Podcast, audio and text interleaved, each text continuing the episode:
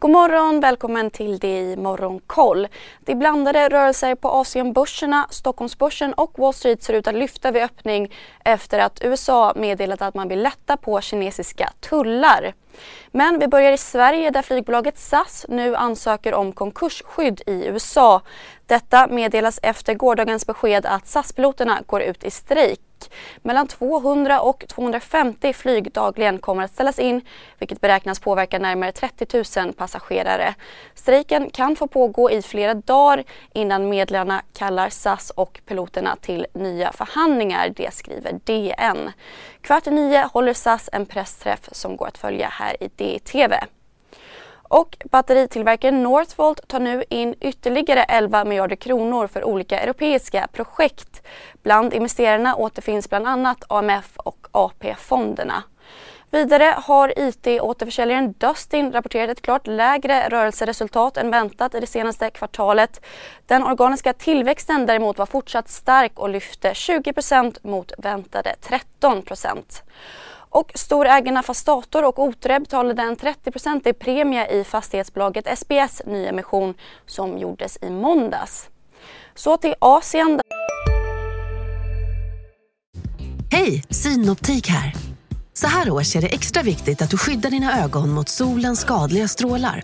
Därför får du just nu 50% på ett par solglasögon i din styrka när du köper glasögon hos oss på Synoptik. Boka tid och läs mer på synoptik.se. Välkommen!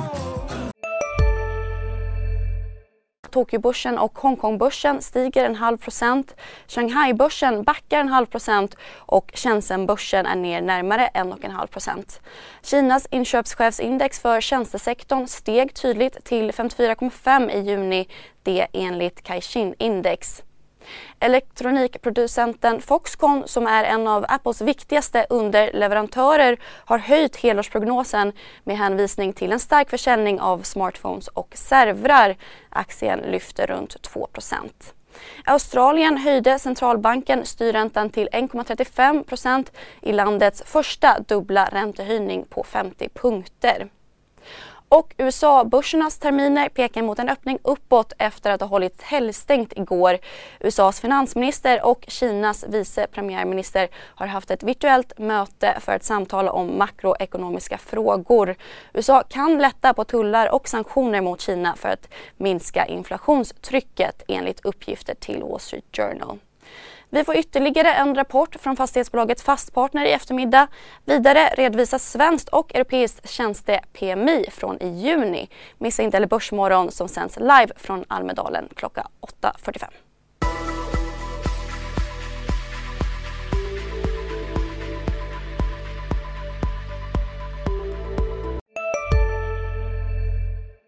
CSRD, ännu en förkortning som väcker känslor hos företagare. Men lugn, våra rådgivare här på PWC har koll på det som din verksamhet berörs av.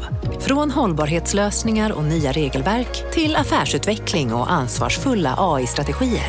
Välkommen till PWC.